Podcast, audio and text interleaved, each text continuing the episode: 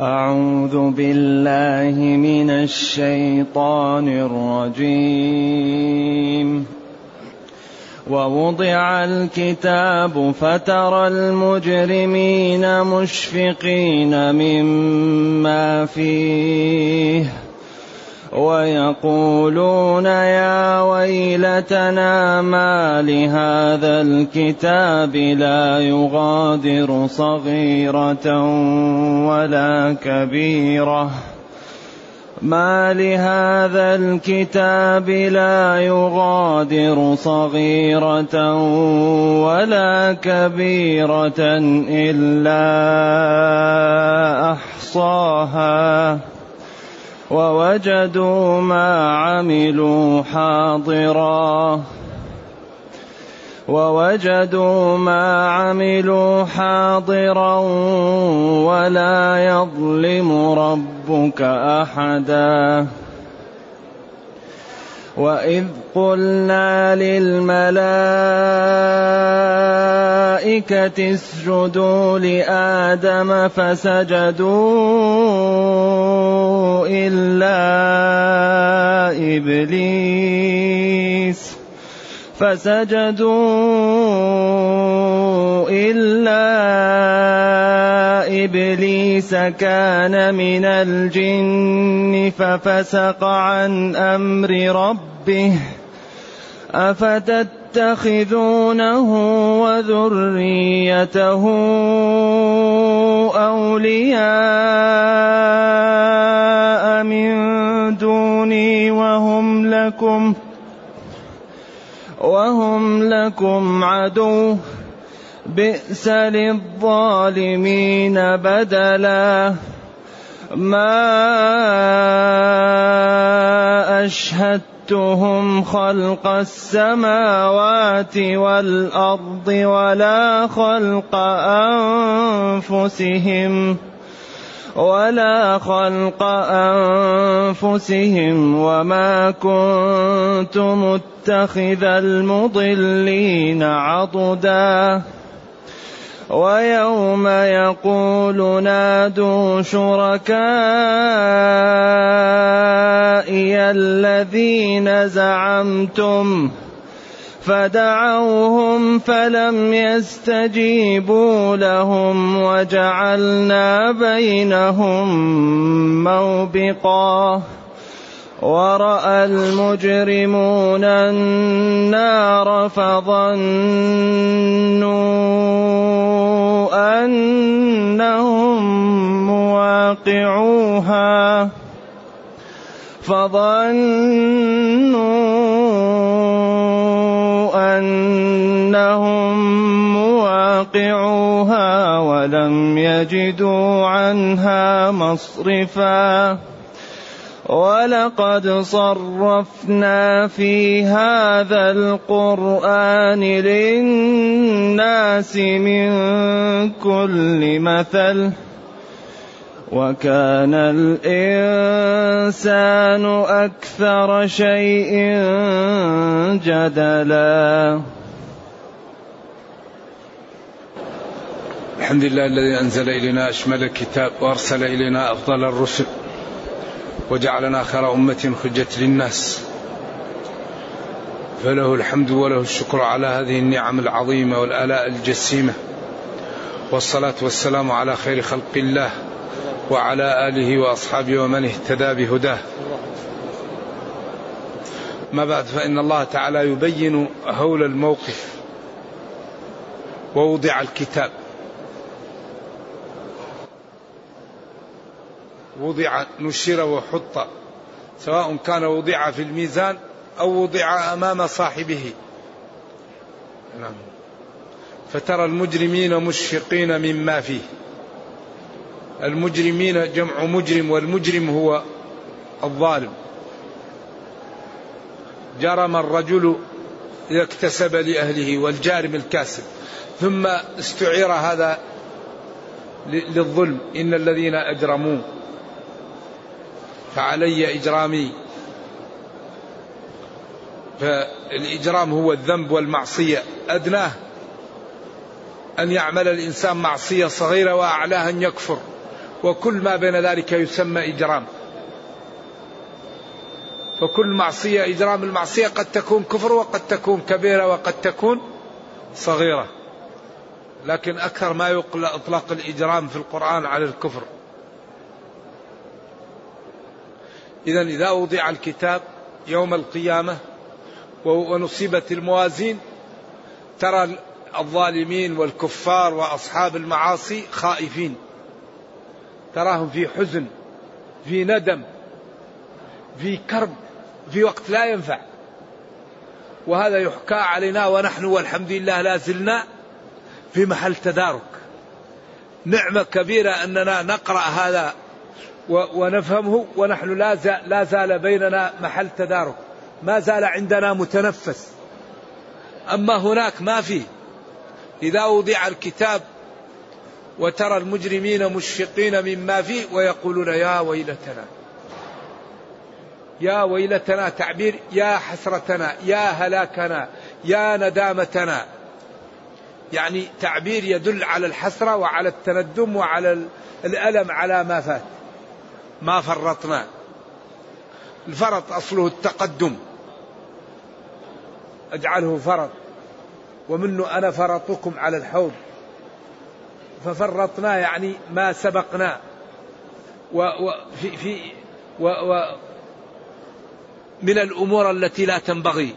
ما فرطنا في الكتاب. سبقنا إلى تكذيب الكتاب أو يعني بالغنا في عدم الاهتمام به.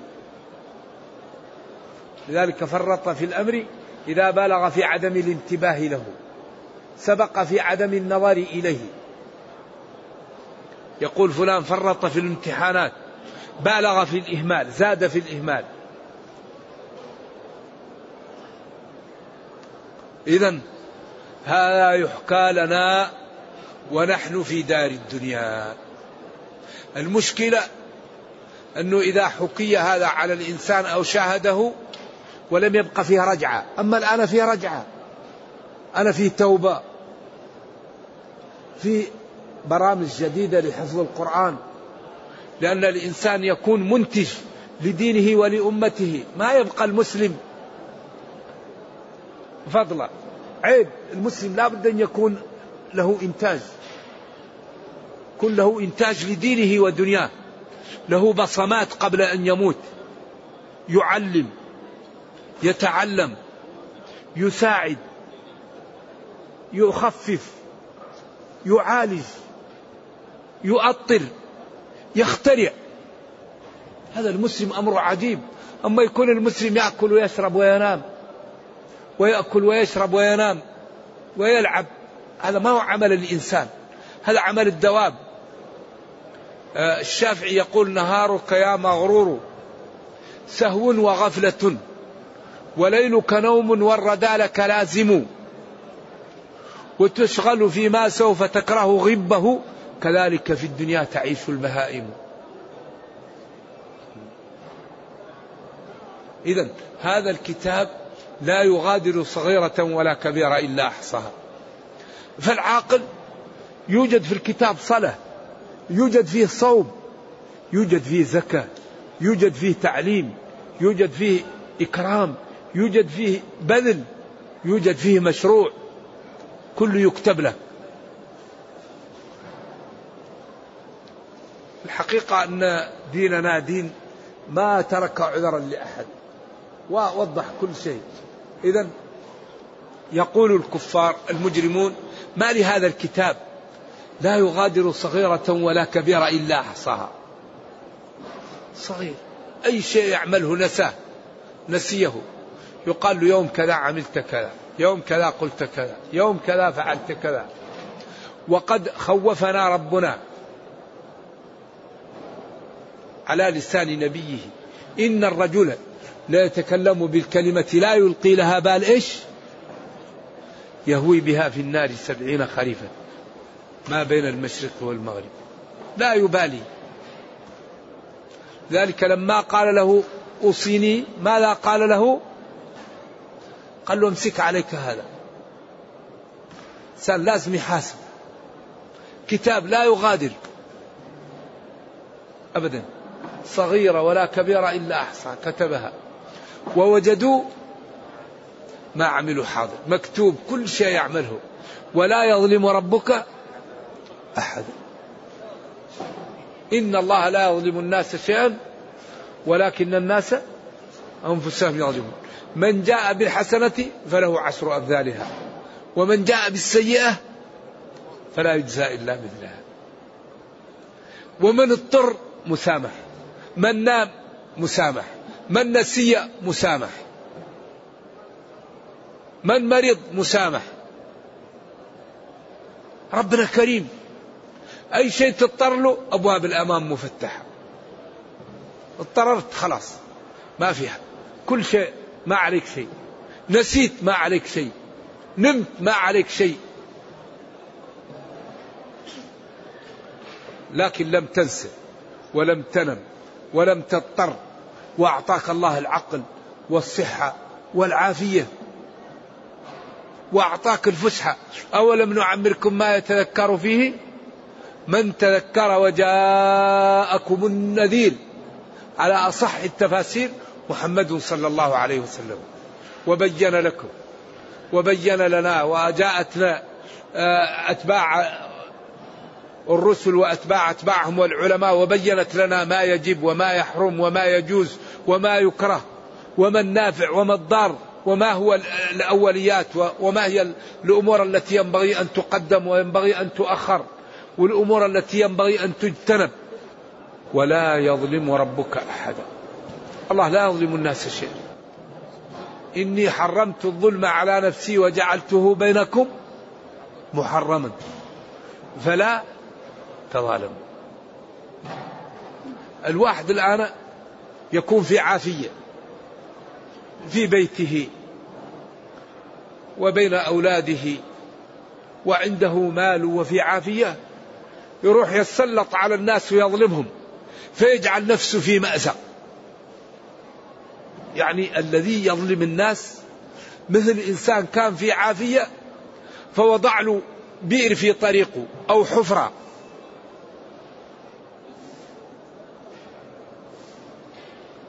يعني يكون الإنسان في عافية فيروح يظلم الناس فيجعل نفسه في كأنه إنسان إيش؟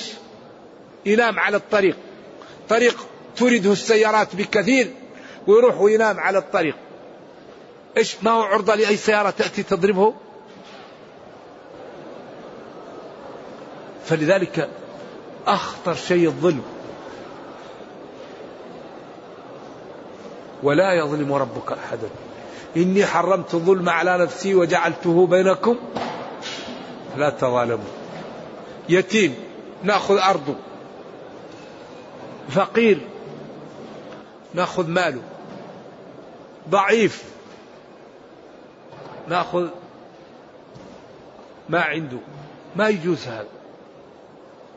هؤلاء الضعاف الله يحميهم. إذا الإنسان ظلم ضعيف الله ينتصر للضعاف.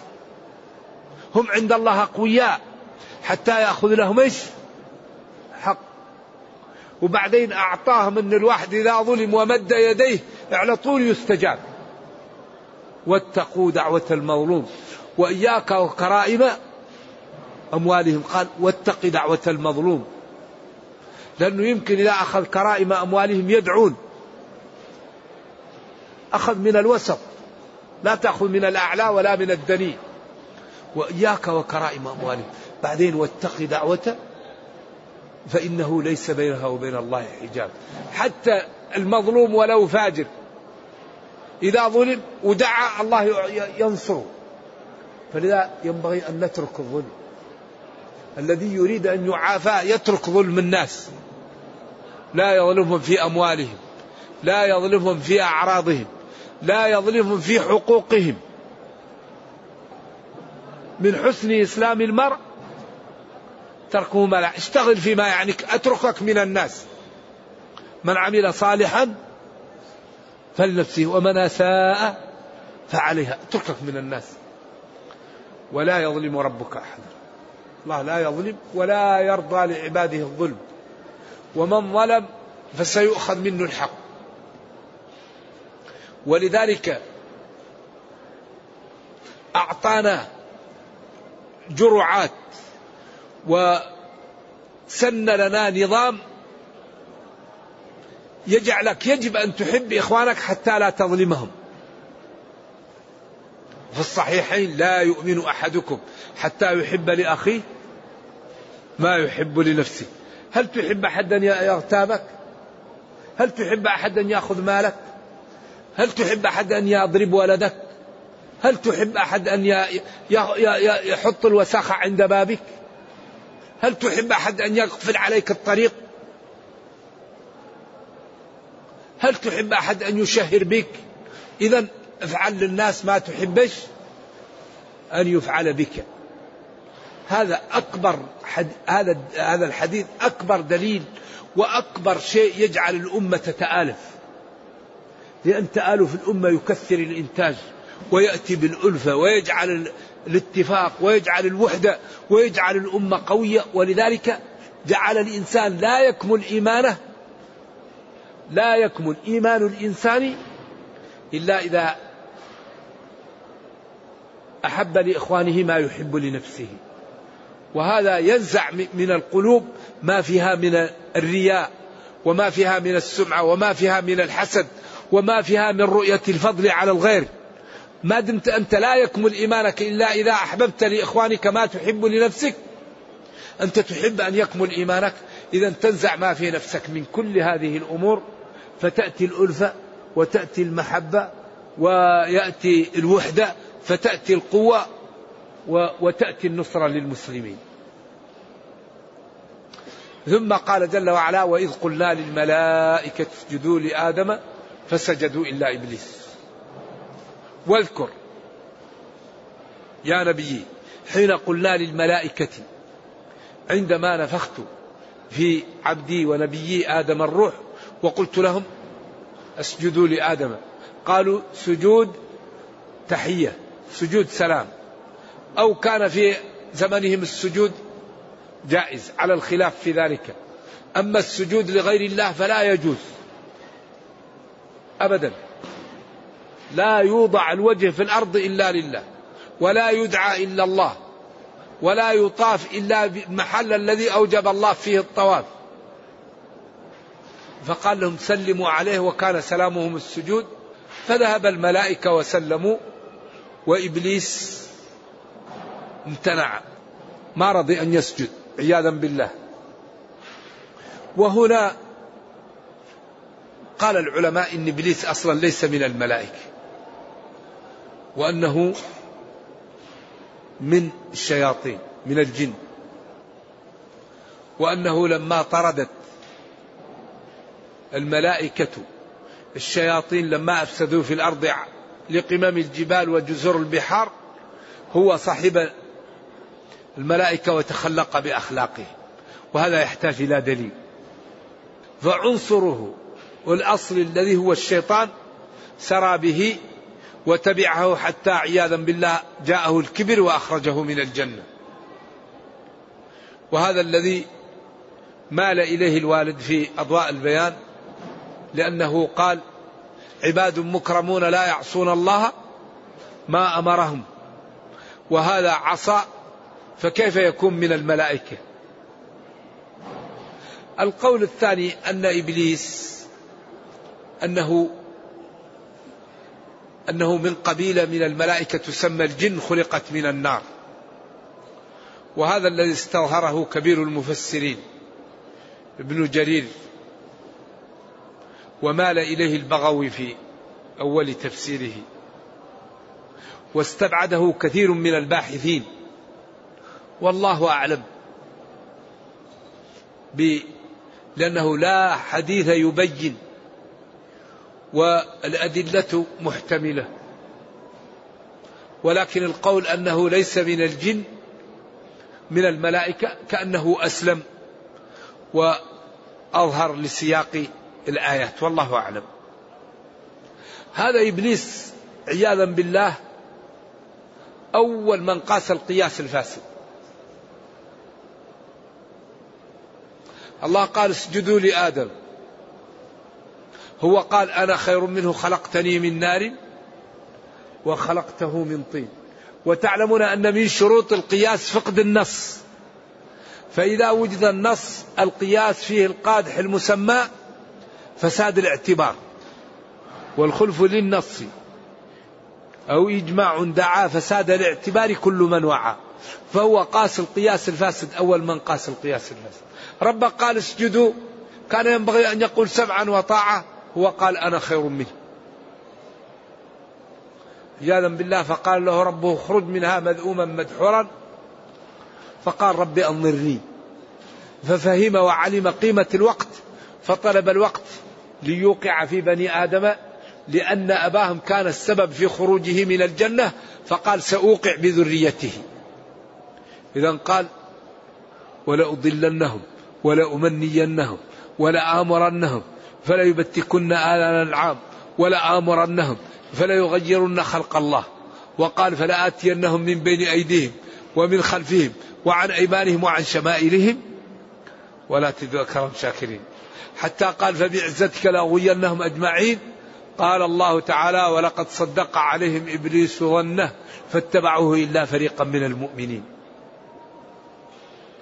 إذا أمر الله تعالى الملائكة أن يسجدوا لآدم فسجدوا سجود تحية وسلام لا سجود عبادة على القول المختار إلا إبليس. كان من الجن ففسق عن أمر ربه كان.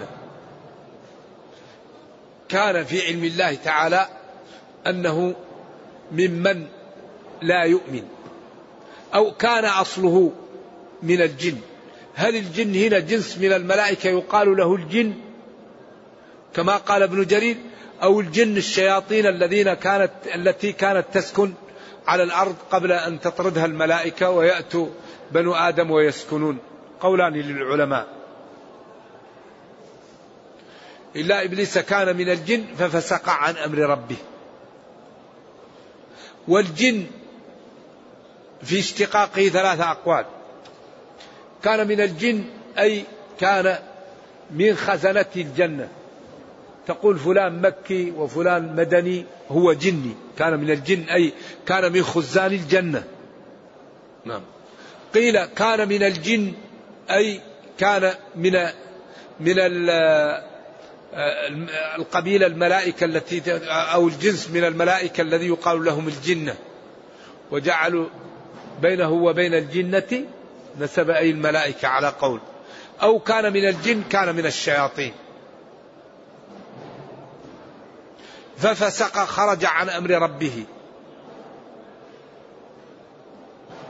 أبعد هذا البيان وهذا الوضوح تتخذونه وذريته أولياء من دوني؟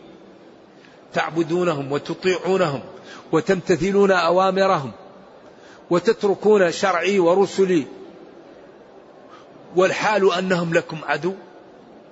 أيحصل منكم هذا بعد البيان وبعد هذه الأمور بئس للظالمين بدلا.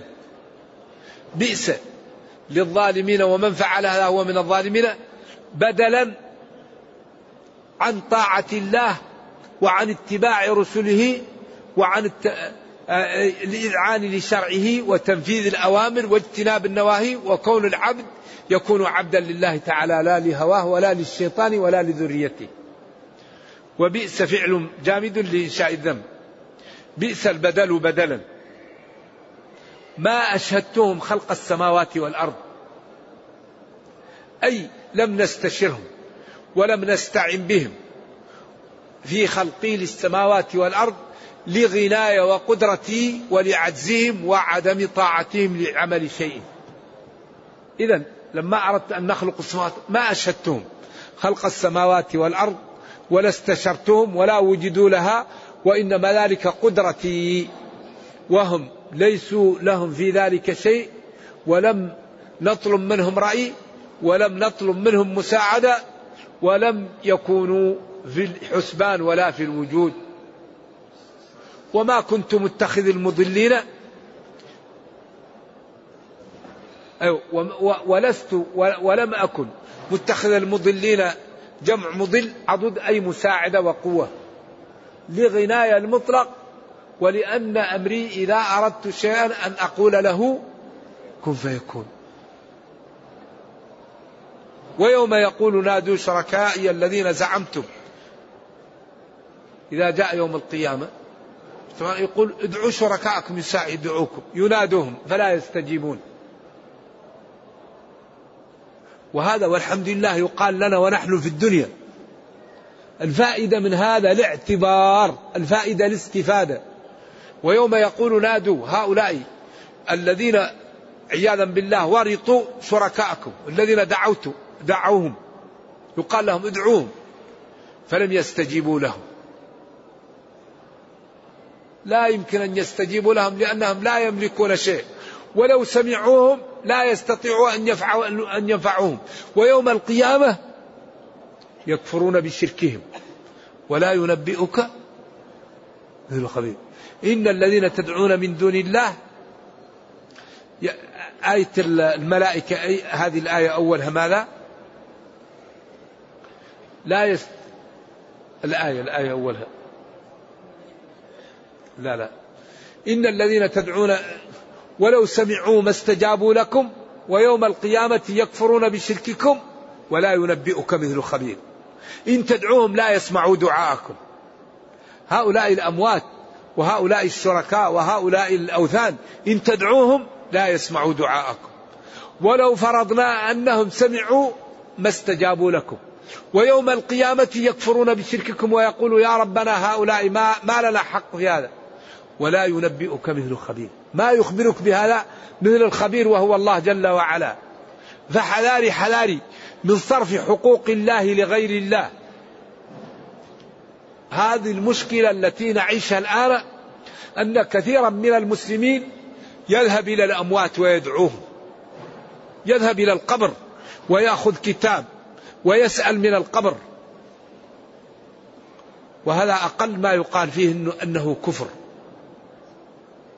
دعاء طلب. الرحمة من غير الله هذا كفر. ولذلك الله يقول أمن يجيب المضطر إيش؟ إذا دعاه ويكشف السوء ويجعلكم خلفاء الأرض أإله مع الله. ثم قال قليلا ما تذكرون. قليلا ما تنتبهون فتستعملون عقولكم حيث تفرقون بين إجابة المضطر وبين خلق الجبال. والكل حق خالص لله. هذه الآية معجزة. أول الآيات قل الحمد لله وسلام على عباده الذين اصطفى. آه الله خير مما تشركون أمن خلق السماوات والأرض وأنزل لكم من السماء ماء فأنبتنا به حدائق ذات بهجة. ما كان لكم أن تنبتوا شجرها أإله مع الله بل هم قوم يعدلون. إلى أن قال في آخر المقطع أمن يجيب المضطر إذا دعاه. وقال قليلا ما تذكرون. قليلا ما تستعملون عقولكم. حيث تفرقون بين إجابة المضطر وبين خلق الجبال؟ أي واحد الآن تسأله من خلق الجبل؟ يقول لك الله. لكن من يجيب المضطر؟ كل بلد فيها أولياء مع الأسف. أغلب البلدان فيها أولياء تدعى. كثير من البلدان عندهم أولياء القبر يضحى عليه بناء ويأتي الناس ويقول الله الله أتيناكم قاصدون ومثلكم يقصد ومن قصد الأجواد ليس يخيب. هذا في غاية الخطورة هذا. الله قليل قليلا ما تذكرون قليلا ما تذكرون حيث تجعلون الله خلق وتجعلون المخلوق يجيب الدعوة ويجيب المضطر. لا كما أن لا يخلق إلا الله لا يجيب المضطر إلا الله. ولذلك ينبغي أن لا يدعى إلا الله. وقال ربكم ادعوني أستجب لكم. يا غلام إذا سألت فاسأل الله. ما قال إذا سألت فاسأل الولي. لا. ما قال وقال ربكم اتخذوا لي الوسائط أستجب لكم.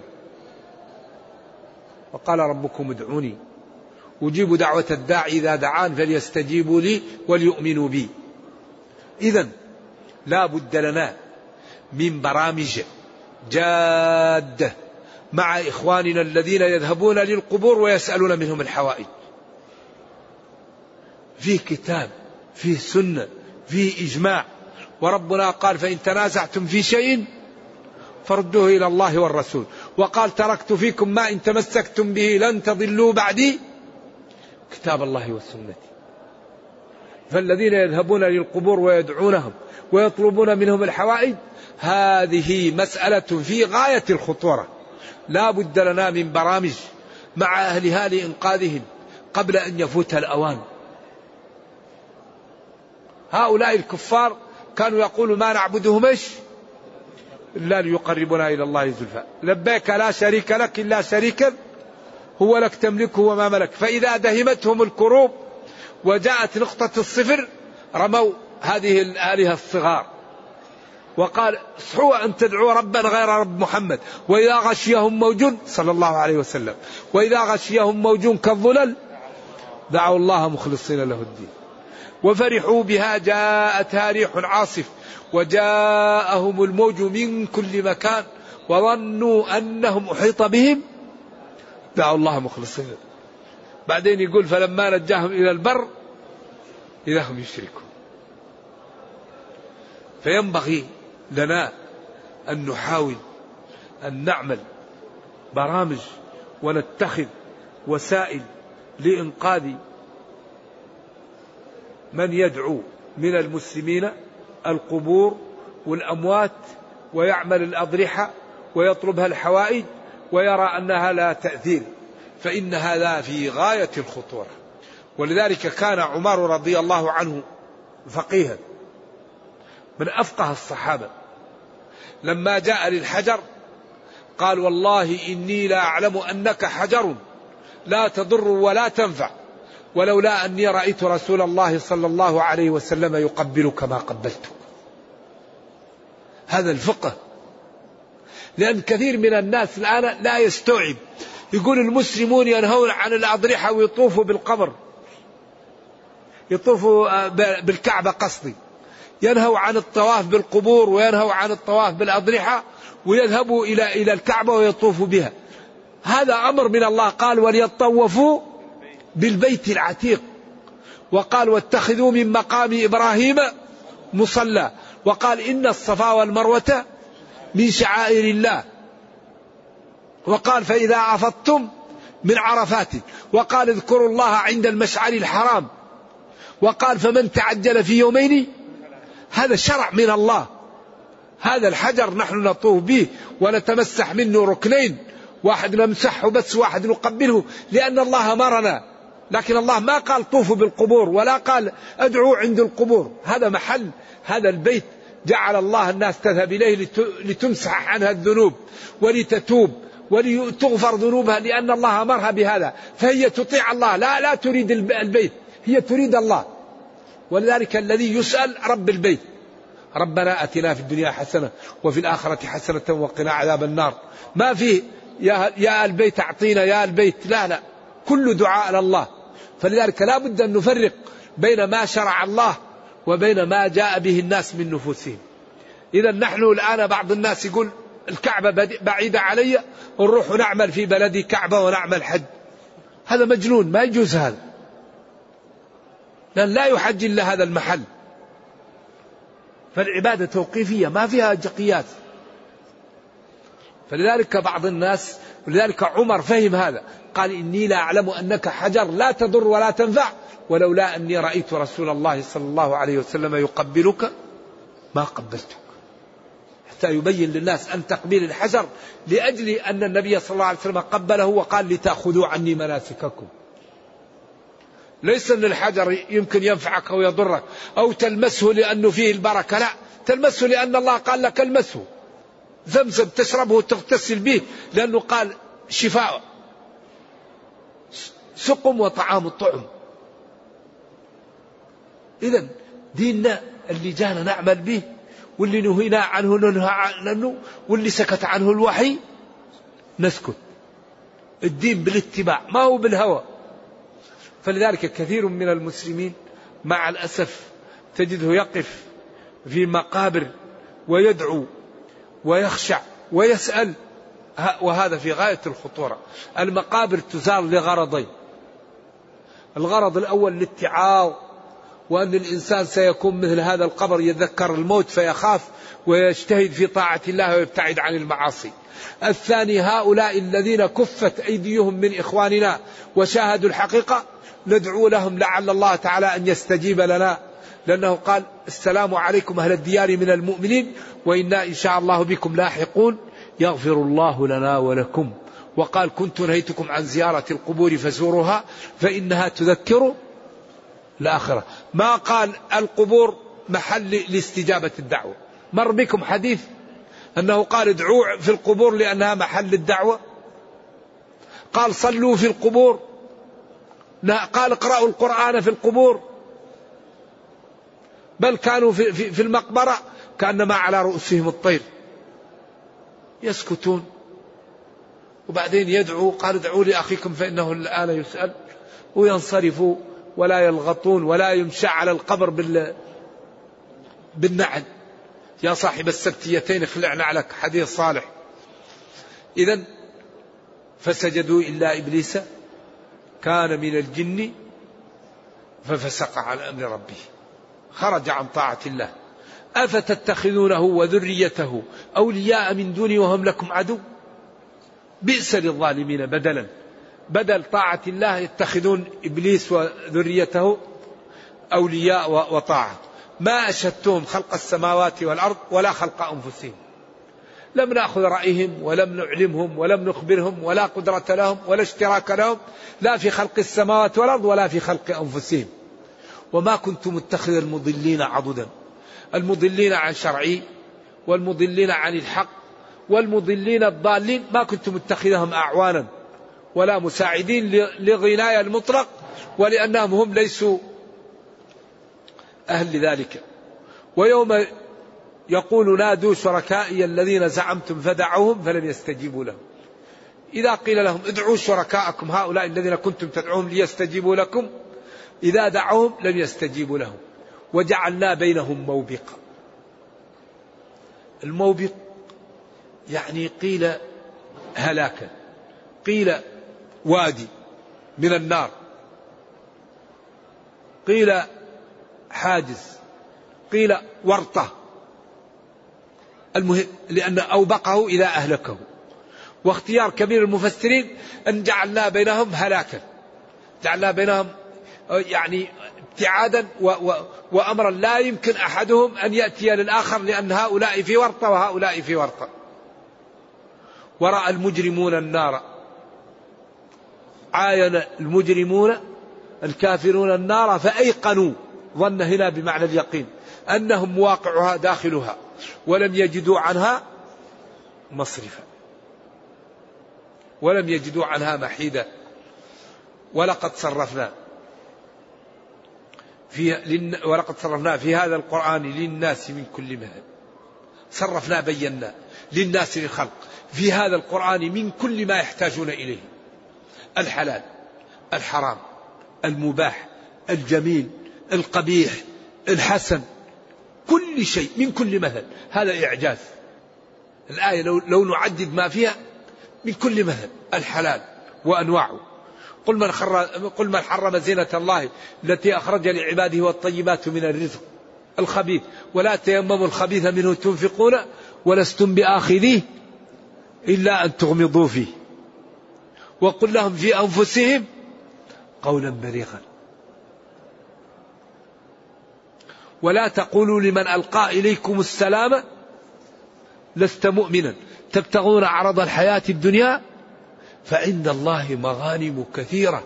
كذلك كنتم من قبل فمن الله عليكم فتبينوا لا إله إلا الله. ما أجمل هذا وأبلغه وأوجزه. كذلك كنتم من قبل فمن الله عليكم فتبينوا كم من واحد كان ضال؟ الله يهديه. إذا جاء واحد يا أخي يقبل منه الخير. كنتم أول على الكفر فهداكم الله. فهذا الذي قال لكم لا إله إلا الله تقولوا لا لا لم يقلها إيمانا؟ فتبينوا لا تفعلوا مثل ذلك. في هذا القرآن من كل مثل كل ما نحتاج إليه. ذلك هذه الآية من إعجاز القرآن. وكان الإنسان أكثر شيء جدلا. سواء كان نضر بن الحارث أو مي بن خلف أو جنس الإنسان يجادل. ولذلك كل ما كل ما ألجئ بالأدلة يخرج. لما ألجأهم إبراهيم قالوا حرقوه وانصروا آلهتكم. طيب هل هذا جواب؟ حرقوه وانصروا آلهتكم. لما قال لأبيه يا أبتي لا تعبد الشيطان إن الشيطان كان للرحمن عصيا. يا أبت إني أخاف أن يمسك عذاب من الرحمن فتكون للشيطان وليا. فلما ألجأه بالحجة قال أراغب أنت عن آلهتي يا إبراهيم؟ لئن لم تنتهي لأرجمنك وهجرني مليا. قال سلام عليك. لذلك دائما أهل, أهل الانحراف إذا ألجئوا بالحجة يروح يتكلموا كلام خارج عن الموضوع. نعم. أكثر شيء يجادل فيما لا ينفع ولذا إن الله يكره الألد الخصم الألد الذي لا يقبل كثير الخصومة. ولذلك ينبغي للإنسان أن يقبل الحق. ويجادل بالتي هي أحسن. ويبين حجته ولا يتكلم. وأنا ضامن بيت في ربض الجنة لمن ترك المراء وهو محق. فالإنسان يبين الحق ولا يماحك. ولذلك الإسلام يبين ويترك. بين. ولذلك قال إيش؟ قال وإذا مروا باللغو مروا كراما. وإذا رأيت الذين يخوضون في آياتنا فأعرض عنهم حتى يخوضوا في حديث غيره. وإما ينسينك الشيطان وقعدت فلا تقعد بعد الذكرى مع القوم الظالمين. سلام عليكم.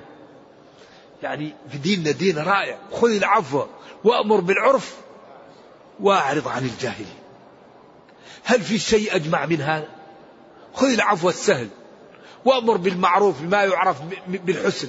وإذا جاءك شيء من جهل أعرض عن الجاهلين. نرجو الله جل وعلا أن يبصرنا بالحق وأن يرينا اتباعه وأن يبصرنا بالباطل وأن يرزقنا اجتنابه.